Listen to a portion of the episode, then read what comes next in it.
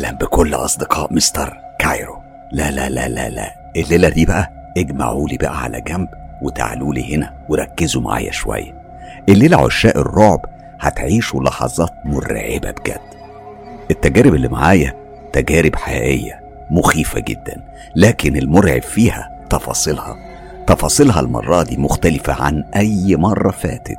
في الاتنين المرعب الأصلي. هنا وبس على قناة مستر كايرو. مش هطول عليكم أكتر من كده. الليلة حلقة خاصة من رعب المستشفيات. ولما أقول رعب المستشفيات يبقى بنتكلم في حاجة مرعبة حقيقي. المستشفيات أصلها عالم غريب مرعب ومخيف خصوصا في فترة الليل. هي بوابة مغادرة من عالمنا للعالم الآخر والمصير المجهول. وكمان هي بوابة وصول وما بينهم بتتداخل عوالم تانية مش بشرية. عوالم من كيانات بتعيش ما بين العالمين فيما يبدو أو في عالم موازي لعالمنا. عالم له قوانين بتختلف كتير عن قوانين العالم البشري. عالم الجن والأرواح الهايمة والأبلسة. الليلة زي ما وعدتكم اجمعوا وركزوا واسمعوا. وعيشوا تجارب حقيقية عاشها أصحابها في المستشفيات وعاشوا فيها أرعب لحظات ممكن يعيشها بني آدم في حياته. بقول لكم إيه؟ كفاية كلام. ويلا إيه؟ يلا بينا.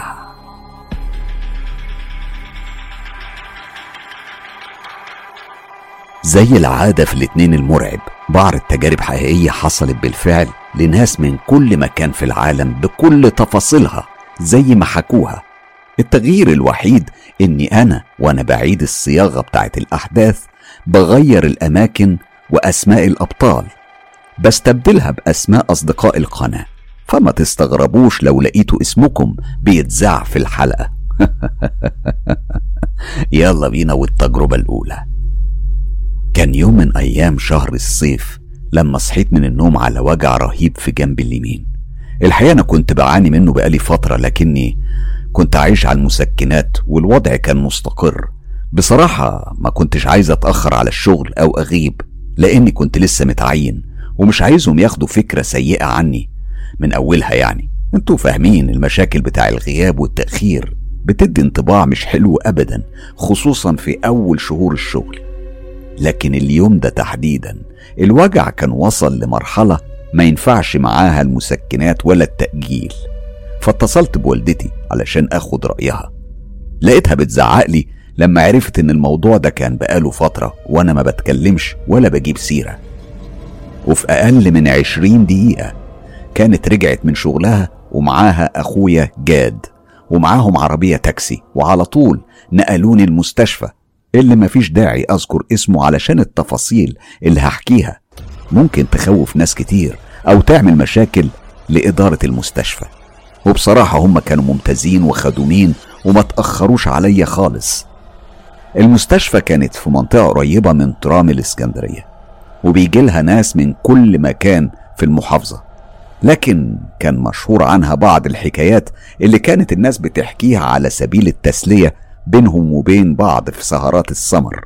وطبعا معظم إن لم تكن كل الحكايات كان موضوعها بيكون مشرحة المستشفى والعنبر سبعة واللي حظي الأسود كان مصيري إني أكون مشرف فيه.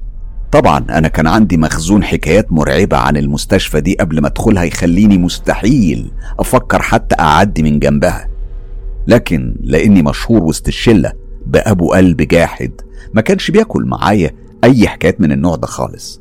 كل ده كنت بعتبره هري وحواديت ألف ليلة والذي منه لزوم القعدة يعني لدرجة إن كان أعز أصحابي اسمه ربيع.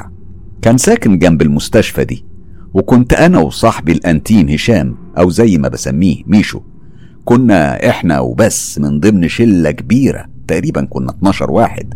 إحنا بس الاتنين أنا وميشو. اللي كان عندنا الجرأة نوصل ربيع بعد نص الليل لبيته ونرجع من جنب المستشفى دي وإحنا بننكت وبنتكلم عن العفاريت والجن والحاجات دي ولا بيتهزلنا شعرة. المهم علشان ما اطولش عليكم أنا في اليوم اللي دخلت فيه المستشفى الموضوع كان غريب جدا. أنا لما نزلت من التاكسي كان يعني كنت يا دوب بتحرك بالعافية لكن أخويا لما بلغ الاستقبال بحالتي. مفيش دقيقتين لقيت اتنين ممرضات وممرض ساحبين سرير نقال وجايين عليا جري. في لحظات بسيطة كنت داخل المستشفى. أنا من كتر الوجع ما كنتش عارف أركز في التفاصيل اللي حواليا. كل اللي فاكره وشوش ناس كتير كانت بتبص عليا. وكنت سامع واحدة ست كبيرة بتتمتم وبتقول عيني عليك يا ابني؟ وبعدها الممرض اللي كان ضخم وأسمر جه وكلم الممرضات وقال لهم اطلعوا بيها على الدور التالت أوضة 12 في عنبر سبعة. وبعدها لف الماما وأخويا وقال لهم معلش مش هتقدروا تطلعوا معاه ممكن تستنوا هنا وهنبقى نبلغكم بكل التفاصيل بمجرد ما يمر بمرحلة التشخيص. بعدها السرير كان بيتسحب. أنا كنت شايف الجزع على وش ماما اللي كانت بتعيط. وأخويا كان بيحاول يمثل إنه مش قلقان وعمال يعمل لي حركات من نوعية. ماشي يا عم الممرضات هيدلعوك. لكني كنت واثق إنه ميت من القلق والرعب.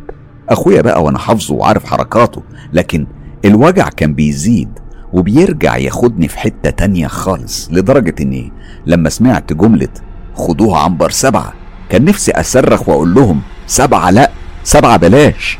لكن قوة الوجع خلتني أنسى كل اللي سمعته. كنت عايز الوجع يختفي وبس. أنا ما كانش فارق معايا أي حاجة تانية. ما هو برضه أنا أبو قلب جاحد اللي بيخوف العفريت. لكن ما كنتش عارف إني في طريقي لأرعب لحظات هعيشها في عمري كله وإني خلاص هودع اللقب ده زي ما فرق الكورة بتخسر الدوري. أول ما دخلوني الأسانسير اللي كان كبير قوي لفت انتباهي في وسط أوجاعي. ريحة فورمالين نفاذة كانت بتزكم المناخير. ففهمت إن أكيد الأسانسير ده بينزل المشرحة وإلا يعني الريحة دي جاية منين؟ بس برضه مشرحة مشرحة مش مهم. المهم إن الوجع ده يروح. أنا ما كانش فارق معايا لو إبليس نفسه كان مستنيني في العنبر أو الأوضة. أنا من كتر الألم كنت بدأت أعرق بشكل غريب.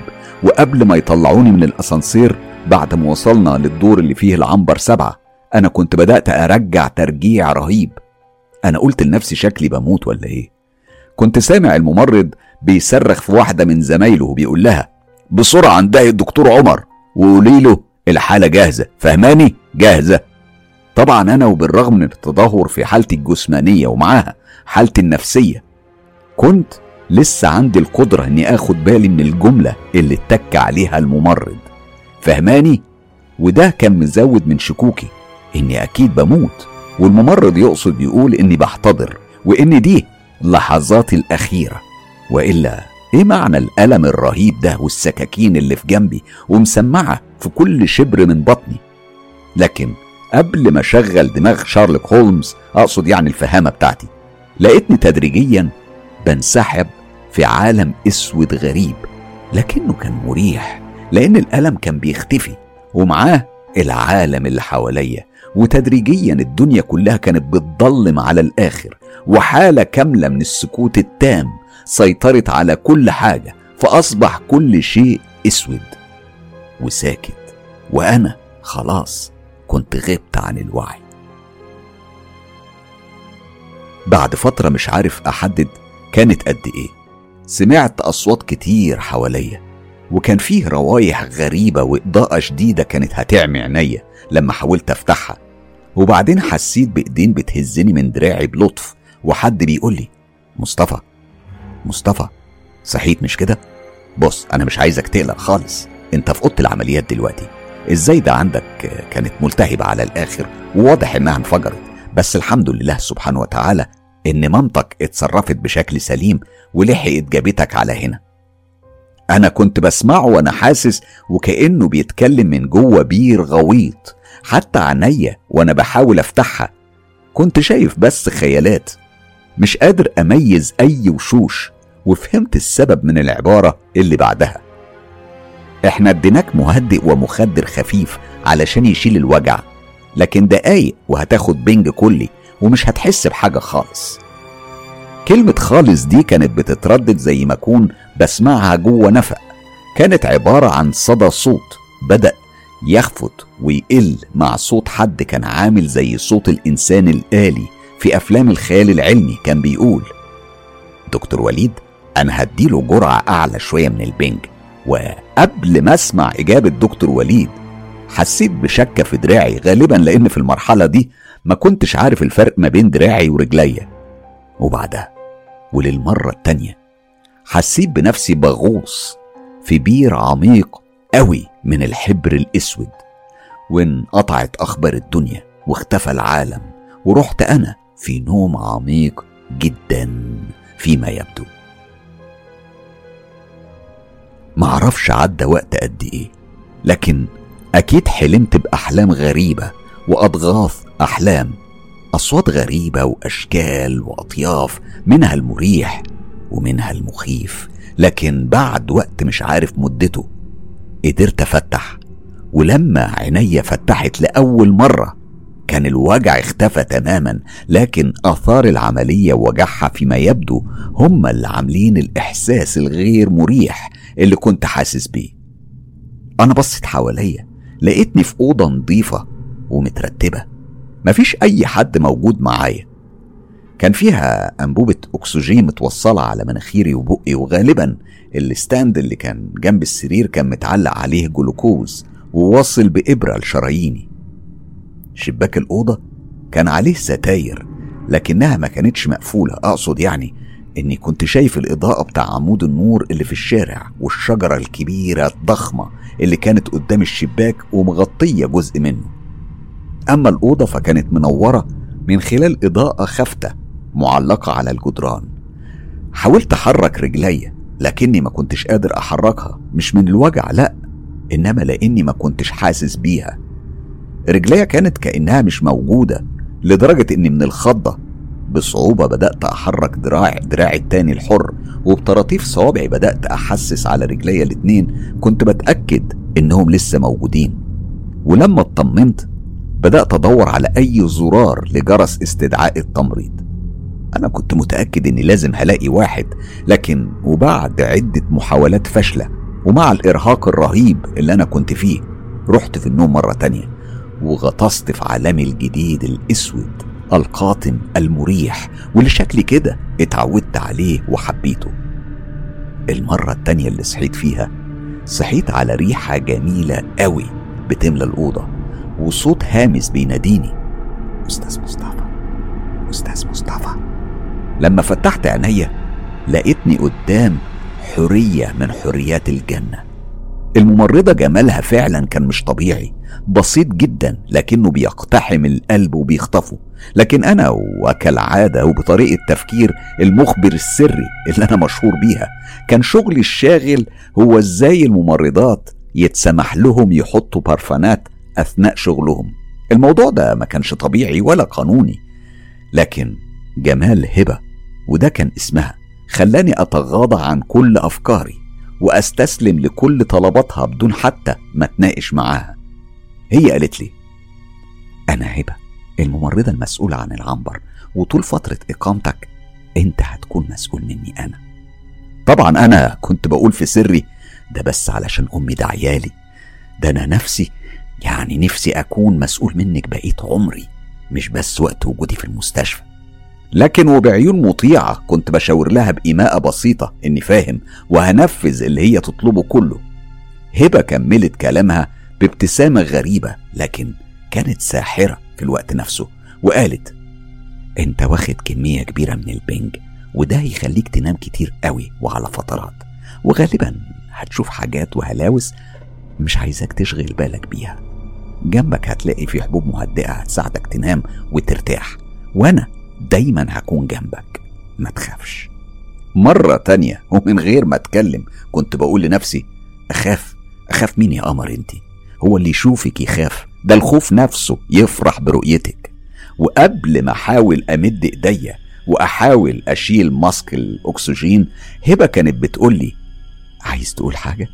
هزيت راسي بحركة يعني إن أنا آه عايز أتكلم. فبحركة سريعة وفي لمح البصر استغربتها كتير الحركة دي.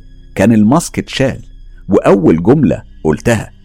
معلش بس أصل أنا آه، والدتي وأخويا كانوا معايا وكانوا قلقانين قوي. أه، هما موجودين ويا ترى في حد طمنهم؟ هبة بصت لي بحنية غريبة وقالت ما تقلقش شايف الباب اللي هناك ده؟ وشاورت على الباب بتاع الأوضة. هما وراه على طول وهيجوا يشوفوك لما الدكتور يسمح لهم بالدخول. انت بس محتاج راحة كتيرة قوي دلوقتي. بطل تفكر بقى ونام وارتاح. مرة تانية كلمة ارتاح كانت غريبة لأنها كانت عاملة زي صدى الصوت وهبة نفسها كانت بتتهز وكأني شايفها على وش مية أو نهر. وتدريجيا بدأت أختفي من تاني بشكل غريب لكن المرة دي بدل ما أدخل عالمي الأسود أو قارورة الحبر الأسود لقيتني في مكان غريب.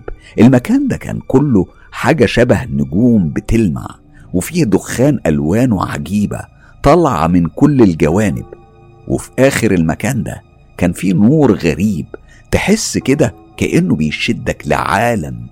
أنت بتنتمي ليه؟ إزاي مش فاهم ولا عارف. أنا كنت شايف نفسي بتحرك على مكان زي ما يكون جسر طويل تحتيه بحر عميق من السواد المرعب وأصوات صفير مش مفهوم بتتردد حواليا. والمرة دي حسيتني عارف أمشي. أنا مش بس كنت بمشي أنا كنت بجري وبجري وبجري وبحاول أوصل للمكان اللي فيه النور القوي ده. لكن مهما بجري بحسني مش بوصل. وبعدين حسيت ببرودة بتسري في أوصالي وصوت هبة جاي من بعيد بيناديني. أستاذ مصطفى مصطفى يا مصطفى. صوتها في وداني كان له وقع مختلف وغريب كأنه صوت حد أنا أعرفه من سنين طويلة قوي. حد مألوف ومعروف ومش غريب عني. ومرة تانية فتحت عينيا وكانت لسه واقفة في مكانها وبتبتسم. وقالت أنت شكلك لسه بتعاني من تأثير البنج. أنا قلت لها وبدون تفكير هو أنا شفتك فين قبل كده؟ وأنا أعرفك؟ أنا أنا حاسس كأني أعرفك كويس قوي هبة ضحكت وقالت بص في المستشفى هنا ناس كتير بتقول لي الكلام ده. ما تشغلش بالك. أنت بس متأثر من كل اللي أنت مريت بيه. بص قريب كل ده هترتاح وتفوق منه خالص. أنا كنت ببص لها وبتأمل ملامحها كأني بحاول أفتكر هي مين. شفتها فين قبل كده؟ كان شعرها قصير كاستنائي لكنها مغطياه بحاجة شبه الشبكة الشفافة ولبس التمريض بتاعها كان شكله مختلف عن الممرضات اللي شفتهم أول ما وصلت المستشفى وده كان بيميزها بيميزها عنهم. صوتها كمان كان حنين قوي. في جاذبية غريبة. طول الفترة اللي كنت بشوفها فيها كانت دايما مبتسمة وبتتكلم معايا. وبمنتهى الهدوء طبعا هي شرحت لي اللي حصل لي إن الزايدة انفجرت وحصل آه، تلوث شديد والتهاب خطير في جسمي اللي كان بدأ يستسلم للمرض وإني كنت على بعد خطوات من بوابة الموت. لكنها أكدت لي إنها عمرها ما كانت هتسمح لده إنه يحصل أبدا. العبارة دي في وقتها مرت عليا مرور الكرام لأني كنت مستمتع بمجرد الحوار معاها. هبة أكدت عليا إن الجراحة نجحت وإن المسألة مسألة وقت وأول ما هسترد عافيتي هيتسمح لي بالخروج. طبعا الكلام كان يبدو منطقي جدا وكمان أنا يعني مش دكتور علشان أحدد الصح من الغلط أو حتى أناقش اللي هي بتحكيهولي.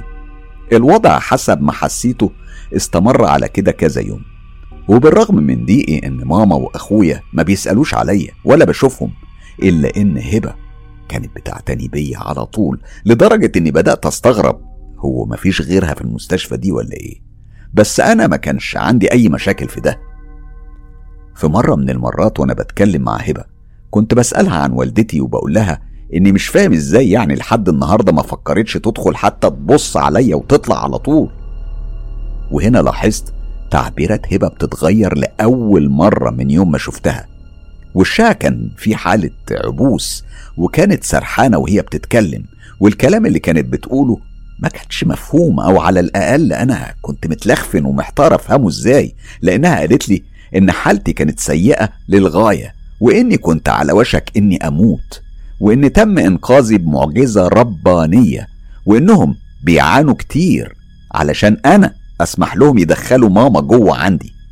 هنا أنا قلت لها بصوتي الواهن لكن بنبرة كان كلها إصرار. إزاي الكلام ده يعني؟ أنا أنا عمري ما منعت أمي أو أي حد إنه يدخل يشوفني. ممكن بقى بعد إذنك لما تشوفيها المرة اللي جاية تخليها تدخل على طول. لا لا مش بس كده. أنا عايزك تبلغيها إني بأمرها تيجي تشوفني وما تترددش ولو لحظة واحدة. هبة كانت بتسمعني بتركيز شديد وعينيها الواسعة. ما رمشتش ولا مرة. وبعدين ردت عليا بحاجة ما كنتش متوقعها ابدا وقالت مفيش أي مشاكل. هبلغها طبعا بس أنت لازم لازم أنت تسمح لها تدخل. أنا وللمرة التانية لقيتني في حالة من عدم الفهم لكلامها المبهم ده. لكن مع حالة الإرهاق اللي كنت غرقان فيها كنت بستسلم للنوم مرة تانية.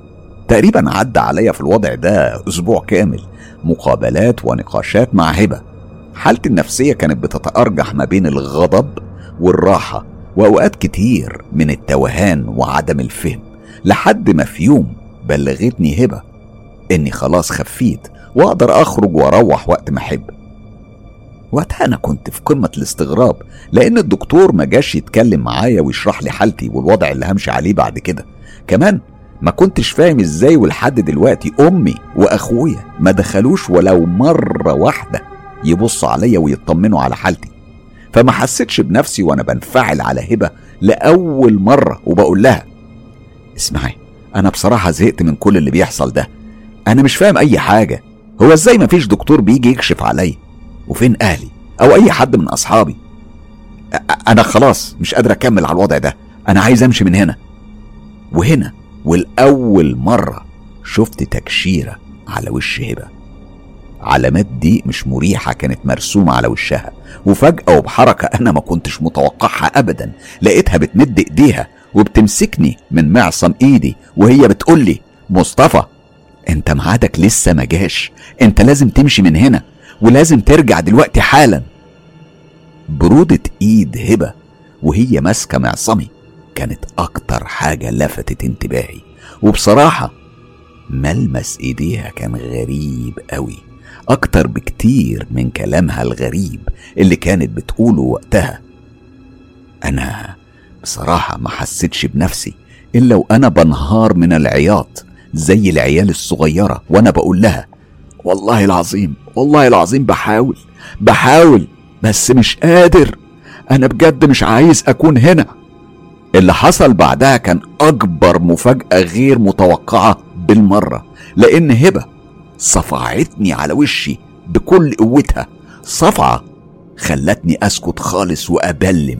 عينيا كانت متثبتة على عينيها وبعدها بلحظات حسيتها كأنها ظهر من الزمن.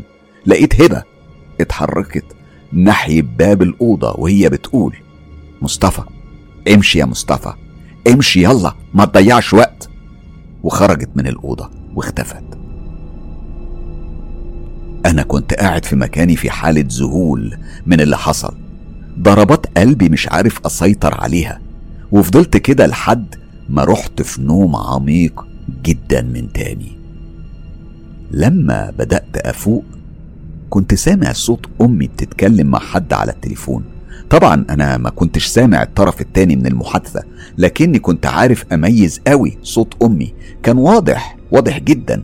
حاولت أفتح, أفتح عينيا بصعوبة. كنت شايف خيال أمي بتتحرك رايحة جاية قدام الشباك بتاع الأوضة وهي بتتكلم.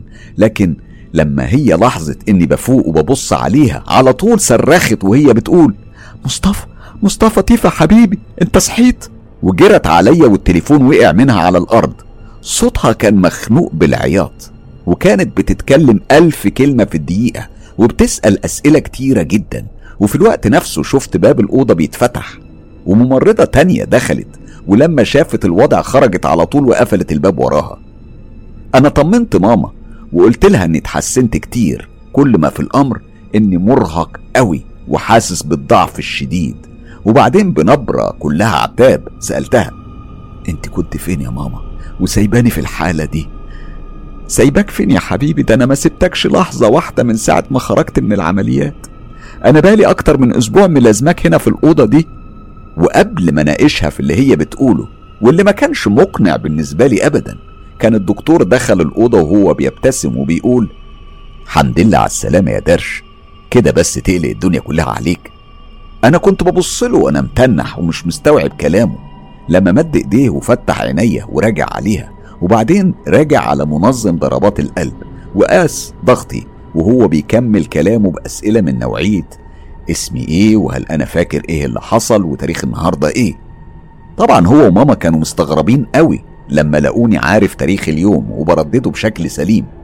هنا الدكتور قال لي يعني أنت كنت واعي طول الفترة اللي فاتت؟ أنا رديت عليه بمنتهى الهدوء أيوه أنا كنت صاحي وواعي لكل حاجة بتحصل حواليا. هنا الدكتور رجع خطوة لورا وقال طب هستأذنكم أنا بس هنادي على دكتور التخدير علشان أناقشه في الجزئية دي لأن ده وضع مش طبيعي أبدا. وإحنا مستنيين الدكاترة يرجعوا. ماما قعدت تحكي لي على اللي شافته وعاشته طول الفترة اللي أنا قضيتها في المستشفى وهي قضتها معايا. هي قالت لي إن الجراحة كانت ماشية بشكل كويس جدا بس انفجار الزايدة اتسبب في التهاب رهيب انتشر بسرعة في الجسم. حصل لي تسمم في الدم حصل معاه هبوط حاد في الدورة الدموية. القلب توقف تماما ومنظم ضربات القلب كان وصل لحالة الثبات. يعني أنا كنت ميت إكلينيكيا. وقتها اضطروا إنهم يدوني صدمات كهربائية في الصدر. والحمد لله سبحانه وتعالى. يبدو إن الموضوع ده نجح لأن القلب رجع ينبض من تاني. لكنهم بلغوا والدتي إنها تجهز نفسها للسيناريو الأسوأ وإن احتمالات نجاتي لا تتعدى الاتنين في المية.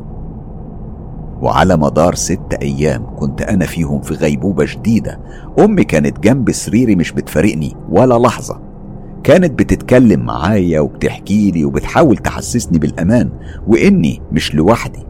وكل الوقت ده كانت بتحاول تخليني أفوق وأرجع للدنيا من تاني لكن ما كانش فيه أي استجابة مني خالص.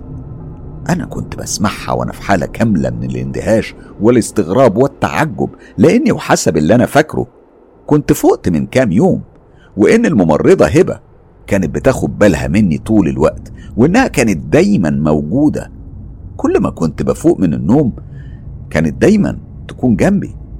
لكن ماما كانت مصرة على كلامها إن هي ما فرقتنيش ولا لحظة وإن أصلا مفيش أي ممرضة اسمها هبة من الممرضات الموجودين في العنبر وبيشرفوا على حالتي. مش بس كده لا ده مفيش ولا واحدة من الممرضات اللي هنا أوصافها بتتطابق مع أوصاف هبة اللي كنت بحكي لها عنها. ماما كانت بتبص لي بعينيها الطيبين وهي بتطبطب عليا وبتقول لي إن أكيد الغيبوبة اللي أنا المفترض يعني كنت فيها كانت بتخليني أهلوس وأشوف حاجات غريبة. هي طبعا كل اللي كان فارق معاها إني لسه عايش وإني فقت ورجعت لهم من تاني. للأسف طبعا أنا اضطريت أكمل في المستشفى كام يوم بعدها. يعني ماما كمان ما فرقتنيش فيهم خالص والممرضات اللي كانوا بيشرفوا عليا ما كانش فيهم أي واحدة عندها ربع إحساس هبة. لكن ماما نبهتني لحاجة غريبة إن دايما فترة الليل وبعد الساعة 2 الصبح دايما بيكون في إحساس غريب بالبرودة بيتحرك في الأوضة. كمان الشجرة اللي مغطية على جزء من الشباك دايما في المعدة بتتحرك وبتخبط في الإزاز زي ما يكون الهوا ما بيحللوش الحركة غير في الوقت ده. ده غير إن باب الأوضة اللي ساعات بيفتح من غير سبب بالليل ونستنى حد يدخل لكن ما بنلاقيش أي حد. طبعا كل الملاحظات دي بالنسبة لي كانت ولا حاجة في مقابل لغز هبة اللي عمري ما فهمته ولا استوعبته أبدا وقتها. في الوقت ده كنت بدأت أتحرك وأدرب نفسي على المشي من تاني وكنت دايما بتحرك في طرقة العنبر المرعب واللي فهمت سر الحكايات اللي بتتحكى عنه واللي مشهور بيها. أنا لولا أني عشت الأحداث دي بنفسي وعصرتها وحسيتها حرفيا عمري ما كنت هصدق إن في عوالم تانية وكيانات مش بشرية بتعيش معانا حرفيا في عالم موازي. أنا لسه ولحد النهاردة مش مصدق إن كل اللي عشته ده ممكن يكون ما حصلش. والسبب إن أنا عارف إني عشته حرفيا. أنا كمان لمست إيديها وشميت ريحتها وكلمتها وكلمتني. أنا بجد مش مستوعب مين هبة دي اللي محدش غيري شافها واتكلم معاها. أنا حكيت اللي حصل ده لأصحابي وشلتي وكلهم كانوا بيبصوا لي بعيون كلها استغراب ودهشة وعدم تصديق. حتى أمي كانت في البداية متشككة. لكن الظواهر اللي هي عصرتها وقت غيبوبتي خلتها تربط الأحداث ببعض وتأكدت إن أكيد أكيد كان في حضور وكيان من عالم تاني كان حاضر طول الفترة اللي أنا كنت فيها غايب عن الوعي. وإن ده بيفسر لها سر البرودة في الجو. والخيالات اللي كانت بتتخيل بيها على جدران الأوضة. وكانت بتفكر إنها انعكاس للإضاءة بتاع عمود الشارع على الشجرة اللي قدام الشباك. وكمان الأصوات الغريبة اللي كانت بتسمعها وهي نايمة على الكرسي اللي جنب سريري. الموضوع ده فضل ملازمني ودايما في بالي مش بيفارقني وبيشغل حيز كبير قوي من تفكيري. بعد كام سنة من الواقعة والحادثة دي. جدتي تعبت قوي واضطرت تروح نفس المستشفى. في مرة أنا ووالدتي رحنا نزورها. وإحنا هناك أنا نزلت ورحت الكافتيريا علشان أجيب قهوة. وأنا بجيب القهوة لقيت حارس المستشفى اللي كان راجل عجوز قوي كان قاعد بيبص لي بشكل ملفت. أنا على طول رحت سلمت عليه عشان أسأله يعني إيه سبب إن هو بيبص لي بالشكل ده. وسألته هو حضرتك بتشبع عليا ولا حاجة ولا إيه؟ لقيته بيقول لي هو مش أنت اللي كنت من كام سنة كده وكانوا قالوا إنك مت ورجعت تاني؟ أنا بصيت له باستغراب وقلت يعني حاجة زي كده بس إيه المناسبة يعني؟ الراجل وشه ما كانش عليه أي تعبيرات كان زي التمثال الجبس وقال لي لا لا ابدا أنا بس كنت بتأكد إن ذاكرتي مش بتخني. أنا على طول قلت له لا اطمن يا عم. وبسرعة عينيا كانت بتقرأ الاسم من على البادج اللي على قميصه وقلت له يا عم يوسف ذاكرتك زي الفل. لسه هلف وهمشي لقيته بيقول لي هبة كانت معاك مش كده أنا سمعت الجملة دي اتجمدت في مكاني. كأن جردل المية ساقعة نزل عليا وغرقني فجأة. هبة مين؟ عم يوسف قال لي توكل على الله يا ابني أنا بس كنت بنغشك أنا حطيت القهوة اللي كانت في إيديا على الترابيزة بتاعة مكتب الأمن ورحت قعدت جنبه وقلت له عم يوسف أرجوك خليك صريح معايا. أنت عرفت منين حكاية هبة دي؟ هو بص لي بصة كان فيها معاني كتيرة ملهاش تفسير لكنه اتنحنح وقال يا ابني أنت كتب لك عمر جديد. أنا ياما شفت حالات كتير ما كانش ليها نص حظك. ده قليل قوي قوي اللي بيرجعوا. وكلهم دايما بيقولوا إنهم قابلوا هبة. علشان كده أنا مصدقك. حتى لو الدنيا كلها ما صدقتكش أنا مصدقك. أنا كنت حارس المشرحة بتاع المستشفى من عشرين سنة فاتوا وحضرت اليوم اللي ماتت فيه هبة. ولما جابوها عندنا عندنا هنا تحت ومن بعدها وهي ظهرت لناس كتير ودايما بتظهر لبتوع عنبر سبعة اللي كانت بتشتغل فيه قبل ما تموت. أنا يوميها قضيت أكتر من ساعة مع عم يوسف. حكالي حاجات كتير كانت بتحصل في المستشفى واتأكدت من أوصاف هبة اللي كنت بشوفها وإنها هي هي نفس اللي كان بيحكي عليها عم يوسف. وهو بيقول إنها كانت أميرة وطيبة الله يرحمها. وأنا بأكد على كلامه. وإن كانت الفكرة في حد ذاتها بتخليني وبالرغم من السنين الطويلة قوي اللي عدت على التجربة دي برضه بعرق وبقلق. وبخاف من مجرد التفكير في إني عشت وشفت ده. بس في الوقت نفسه بطمن إن مش كل اللي موجود في العالم الموازي مؤذي ومش حابب لينا الخير. في النهاية ده هو اللي أنا عشته. حابب تصدقني صدق؟ ولو مش حابب تصدق وشايف إن خيالي واسع زي أغلب أصحابي ما بيقولوا على حكايتي يعني قول برضه أنا مش فارق معايا لأني واثق جدا من اللي شفته وحسيته وعشته. مش بس كده لا كمان لمسته وشميته. الحمد لله سبحانه وتعالى على كل حال له حكمة في كل شيء. تجربة مش بس مخيفة ومرعبة لكن كمان فيها فلسفة وعمق. أتمنى تكون وصلت لكل اللي استمتعوا واستمعوا للقصة. أنا مش هقول رأيي ولا هعلق أكتر من اللي قاله. وهكتفي بجملة مصطفى. الحمد لله سبحانه وتعالى على كل حال له حكمة في كل شيء. التجربة التانية. من سنين طويلة أنا كنت شغالة في مستشفى في محافظة كبيرة. مش هقول اسم الدولة ولا اسم المحافظة.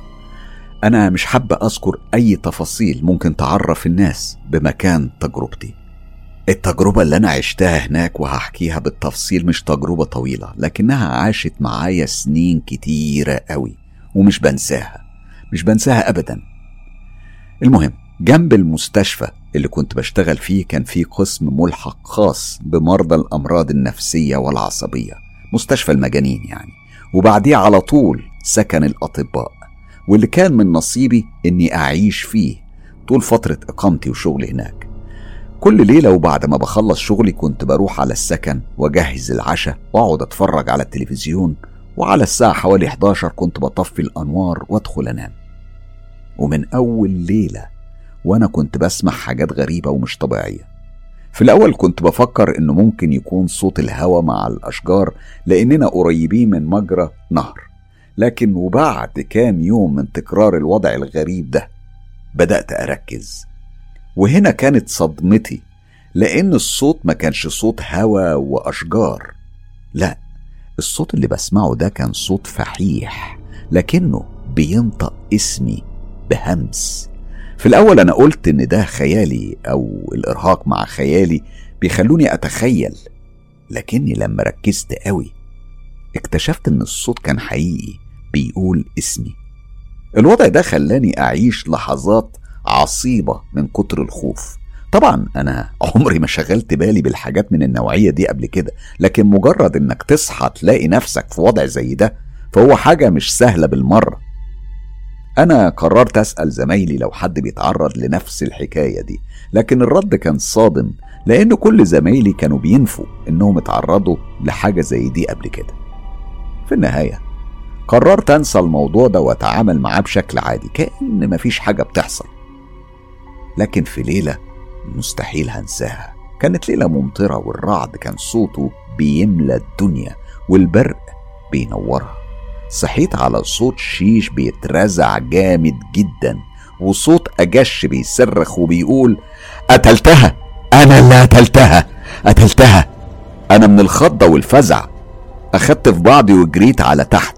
خبطت على أوضة فاطمة زميلتي اللي فتحت وهي مخضوضة وسألتني مالك يا حنان إيه اللي فيك؟ طبعا أنا كنت بترعش وبتنفض وأنا بحكي لها على اللي حصل من رازع الشيش والراجل اللي صوته أجش والجملة المرعبة اللي كان بيكررها. فاطمة أخدتني ودخلتني وهي بتطبطب عليا وبتقول ما تقلقيش ده شامل ما منهوش خوف. وشرحت لي حكاية شامل. شامل كان بيحب واحدة زميلته حب جنوني وواحد من زمايله كان بيكره العلاقة اللي بينهم جدا. فرتب لمقابلة بين حبيبة شامل وواحد اسمه نور. شامل كان بيغير من نور جدا. بعدها الشخص ده كمل خطته الإبليسية بإنه وصل لشامل إن في علاقة بين حبيبته ونور. وفي اليوم اللي حصلت فيه المأساة الشخص الحاقد ده قدر بطريقة خسيسة إنه يقنع حبيبة شامل إن شامل مستنيها في برج البرج ده هو من أشهر الأبراج في عاصمة الدولة دي. وطبعا بلغ نور إن حبيبة شامل عايزاه في موضوع ضروري جدا ومهم وإنها عايزاه على وجه السرعة في كافتيريا البرج ده. علشان تكتمل خطته الشيطانية بلغ شامل بإن أكبر دليل على خيانة حبيبته ليه إنها حالا في موعد غرامي مع نور في برج العاصمة دي. شامل للأسف بلع الطعم والغضب سيطر عليه والدم كان بيغلي في أوصاله وبسرعة راح على البرج وطلع لفوق وهو بيكلم نفسه واللي زود الطين بلة إن شامل كان بيتعالج من الاكتئاب بعد وفاة أمه اللي كان مرتبط بيها جدا فكان بياخد أدوية مضادة للاكتئاب. كان من أعراضها الجانبية الهلوسة والضلالات العدمية والأفكار التسلطية. ده خلاه عامل زي القذيفة المندفعة بدون أي تفكير. فطبعا بمجرد ما دخل كافتيريا المكان وشاف البنت المسكينة بتتكلم مع نور ما فكرش حتى هجم عليهم زي الطور الهايج ولأنه كان قوي البنيان وضخم الجثة اتمكن منهم ومن غير حتى ما يحاول إنه يفهم أو يسمع أي تبرير كان حدف البنت المسكينة من فوق البرج وضرب نور بسكينة في صدره لكن نور ما ماتش بالرغم من إصابته الرهيبة. أما البنت وقعت من قمة البرج وهي بتصرخ حرام عليك! تقرير الطب الشرعي كان بيرجح إنها ماتت بسكتة قلبية قبل ما جسمها يلمس الأرض. طبعا رواد الكافتيريا اتلموا على شامل واتمكنوا منه بس بعد ما كان اللي حصل حصل. بعد سنين من المحاكمات انتهت بإيداع شامل في مستشفى الأمراض العقلية. ومن وقتها وكل فترة ومع محاولات كتيرة لشامل للانتحار كانت بتفشل. كان واضح إن هو دخل في مرحلة صعبة جدا وانه أصيب بمرض نفسي وعقلي مزمن ملهوش علاج. أشهر حاجة بيعملها شامل واتعرف بيها في مستشفى الأمراض العقلية إنه بيقدر يتصرف كل فترة ودايما. بعد نص الليل ويفتح شيش الأوضة اللي موجود فيها ويصرخ قتلتها قتلتها أنا اللي قتلتها ويفضل على الحال ده لحد ما طاقم التمريض بيقدر يسيطر عليه ويدوله حقنة حقنة مهدئ أو مخدر وبيختفي بعدها لفترة طويلة لكن بطريقة مش مفهومة. بيقدر يكرر نفس الحكاية على فترات. أنا طبعا كنت بسمع الحكاية وأنا في حالة فزع ورعب شديد وبدل ما فاطمة تهديني زي ما كانت متخيلة كانت اتسببت لي في حالة كاملة من الجزع. أنا بصيت لها وقلت لها بس يا فاطمة أنا مش فاهمة إزاي يعني بيقدر يغافل الممرضات ويفتح الشيش بالسهولة دي. الموضوع برضه مش منطقي خصوصا وانك بتقول إنه بيكرر الموضوع ده على فترات يعني مش مرة ولا مرتين. فاطمة بصت لي وقالت لي بصي اللي هتسمعيه ده ممكن ما تقتنعيش بيه لكنها حكايات وإشاعات الممرضات بيقولوها لبعض. يعني هما بيقولوا إن بالليل تحديدا يعني روح حبيبته المعذبة دي بتطلع تطارده وبتخليه يحصل له اللي بيحصل له ده. والموضوع على فكرة ما وقفش على كده وبس دول كمان في منهم اللي بيقول إنهم بيشوفوا طيف أسود شكله مخيف ومرعب كأنه بيقع من على سطح المبنى كل فترة. وتحديدا في الليالي اللي شامل بيقدر يفك نفسه فيها. وفي منهم اللي بيقول إنهم شافوا الطيف ده وهو بيتحرك على جدران المبنى من بره كأنه بيزحف وبيطلع منه صوت زي همس الشجر مع الريح. وبعدها شامل بيقدر يفتح الشيش وفي تخمينهم إن الطيف هو اللي بيفتح الشيش مش شامل. أنا بصراحة ما بصدقش الكلام ده. ولا عمري شفت أي حاجة من النوع ده خالص. لكن من كتر ما سمعت حكايات أنا بصراحة يعني بدأت أصدق شوية. بصي ما تشغليش بالك بالحكايات دي وما تقلقيش دي كلها هرتلة بنات فاضية. بقولك إيه تحبي تنامي هنا الليلة؟ يعني لحد ما تهدي وترتاحي. أنا بصيت لها وقلت لها إيه لا لا لا ابدا مش للدرجة دي يعني. بس أصل الحكاية كلها على بعضها بتخوف قوي. طب وشامل ده ملوش أهل يسألوا عليه أو حتى يحاولوا يعالجوه. هو إيه يعني؟ مش ابنهم برضه فاطمة اتنهدت وقالت والله هو ده حال الدنيا. الولد المسكين خسر كل حاجة البنت اللي بيحبها ومستقبله وكمان أهله. الكل رافض يتعامل معاه أو يسأل عنه. ده خلاص ما عادش له أي حاجة في الدنيا. طب تصبح على خير بقى يا فاطمة. أنا متشكرة قوي على ذوقك. أنا أنا هطلع أحاول أكمل نوم. وغالبا من بكرة أنا هبدأ أدور على سكن تاني. أنا بصراحة بتلبش من الحاجات اللي زي دي. فاطمة وصلتني لحد أوضتي وبستني وقبل ما تنزل قالت لي اسمعي لو غيرت رأيك أنا هستناك. أنا دخلت الأوضة بتاعتي وقفلت الباب ورحت على سريري وشغلت قرآن وشغلت السهار الصغير اللي جنب الشباك. حطيت دماغي على المخدة ولسه بنسحب في النوم. سمعت صوت الهمس المصحوب بصوت ورق الشجر من تاني. الموضوع بصراحة المرة دي كان مفزع قوي خصوصا بعد كل اللي سمعته. غمضت عينيا قوي لكن الصوت بتاع الهمس كان أعلى من كل مرة. أنا مش عارفة ده كان حقيقي بيحصل ولا من تأثير الحكايات اللي سمعتها عن شامل وحبيبته بعد صراع طويل قوي مع نفسي. قررت إني خلاص هقوم هولع النور الرئيسي وانام وهنام والنور شغال. لكني بمجرد ما فتحت عينيا شفت إن الشباك خيال أو طيف أسود. ما كانش ضخم لكنه في حجم بشر. كان بيتحرك على جدران مبنى المستشفى بتاع الأمراض العقلية اللي قدام أوضتي مباشرة. وبعدها على طول اترزع شيش بشكل رهيب وصوت صريخ ذكوري بيقول قتلتها. أيوه أنا اللي قتلتها. أنا قبل حتى ما أفكر كنت عند باب الأوضة بسرعة متأكدة إنها كانت تفوق سرعة الضوء وأنا بفتح الباب كان صوت الهمس بيعلى أكتر وأكتر وبتتضح الكلمة اللي بتتردد. هي فعلا كانت اسمي.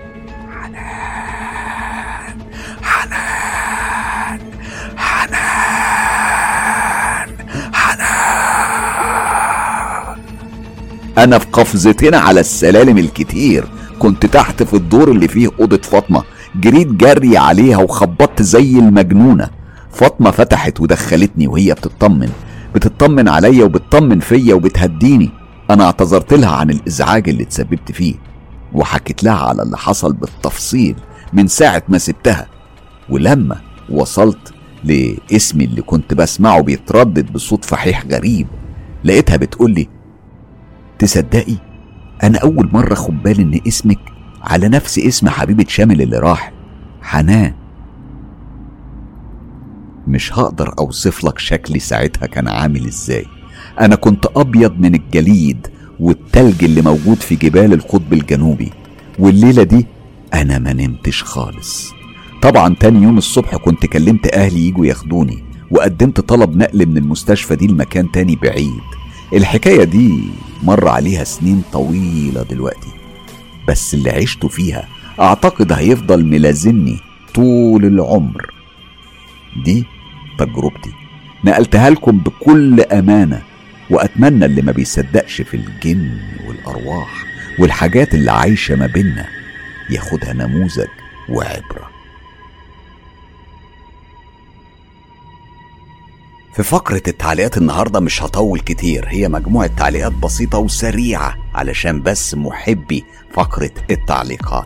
التعليق ده من أكاونت شخصية راقية بتقول مستر كايرو أنا بصدق بهيك الأمور لأني وأنا صغيرة عمري خمسة أو ست سنين كان عندنا قطة سودة كانت سودة قوي وعينيها حمرة كنت بفكرها. يعني قطة الجدة كل ما أحكي الجدة آه القطة بتاعتك جت القطة بتاعتك راحت كانوا بيستغربوا. حتى يوم كنت بلعب على باب البيت وجاتني القطة ووقفت على الشباك وضحكت لي واختفت فجأة قدام عيوني. من يومها ما شفتهاش بس صارت معايا أمور وشفت أشياء لحد النهاردة بتحصل معايا. بس مش عارفة ينفع تتحكى ولا لأ. ولحد النهاردة محدش مصدقني. الغريبة أني اتجوزت وبقى عندي أولاد اتنين بنات وولد وكلهم زوهريين اتنين وبنت وكلهم إيديهم عليها المية وحداشر والبنتين والولد شكلهم عادي بس بيشوفوا أشياء زيي. ما بعرف شو بيصير معنا. أنا بصراحة يا شخصية راقية أحب قوي أسمع قصتك وتفاصيلها. يا ريت تبعتيها لنا على ال account الخاص بيا على التليجرام مستر كايرو. سهل جدا هتلاقي الرابط موجود في خانة الوصف. التعليق ده من عمر. عمر بيقول أجمل التحيات والتقدير والاحترام لجميع القائمين على هذا المجهود الرائع. مستر حسام بشكرك يا عمر اللي بيوجه برضه تحية خاصة للأخت صباح. ربنا ما يحرمنا من قصصها الشيقة. ويعني بنشكر عمر عمر أو صاحبة account عمر عمر لأنها بتقول أختك من مصر أم الدنيا. صباح نصري أديبة قناة مستر كايرو اللي بعتز جدا بقصصها وتجاربها المرعبة وإعادة صياغتها للأحداث الحقيقية اللي بتسعدنا بيها جدا. التعليق ده من ليما 369 بتقول الله يعطيك الصحة مستر حسام. محبات من الجزائر. محبتي أنا ليكم في الجزائر ولكل الأصدقاء في العالم في كل مكان في العالم. بشكرك كتير. ليما 369 رشا محمود الصديقة ذات العضوية الخاصة العضوية الذهبية لقناة مستر كايرو. من كتر ما بتتابع كل الفيديوهات والفقرات اللي بنذاعها ومتابعة قديمة جدا معانا من بدايات القناة رشا وجوزها وليد. هي بتقول كده كتير والله. ما تنزلش الحلقات المرعبة غير وأنا لوحدي. أنا من خوفي. بصراحة قلت أعمل قهوة بعد ما عملتها ضحكت على نفسي. قال يعني القهوة مش هتخليني أخاف. يعني رشا دايما بتقول لنا تعليقات بتلفت النظر وبتكون تعليقات جميلة جدا. بشكرك كتير على تعليقك الجميل يا رشا. التعليق ده من أميرة المنديل اللي بتقول سلام كبير للسيد حسام مصباح ولأيقونة القناة صباح الصبوحة. أنا بحب قصصك واللي بحبه أكتر الساحر مستر كايرو المؤدي الرائع وصوته اللي بيعيشنا القصة بكل ما فيها. أنا من عشاق القناة دي ربنا يوفقكم لكن في عندي طلب. بدي أسمع قصص شارع 101 رجاء. أوعدك قريب جدا. قربنا نسمع 101 لأن هتنزل مع اكتمال عدد المشتركين في القناة ل ألف مشترك. إحنا حاليا يعني داخلين 75 ونص. خلاص قربنا قوي قوي قوي من ال ألف ووقتها. هينزل لكم شارع 101 كامل مكمل بمفاجآته بسلطاته بكل بابا غنوج بكل حاجة يعني. هتنبسطوا جدا لأن المسلسل فعلا أكتر من رائع. التعليق ده من حنان برقوقي صديقتي الغالية اللي بتقول سلام عليكم مستر كايرو على أدمن القناة المحترمين. أنا صار لي زمان ما سمعتش اسمي أو تعليقي. خلي بالكم أنا لو زعلت هسلط عليكم الخدام بتوعي. بمزح طبعا. ليكم وحشة كبيرة والله. أنا زي ما وعدتك يا مستر حسام. مرة أنا عندي بعض المواقف اللي حابة أشاركها معاكم. لكن مش عارفة أروح فين علشان حابة أسجلها صوت بصراحة. بكسل أكتب في انتظار الجواب لكم مني أحلى تحية.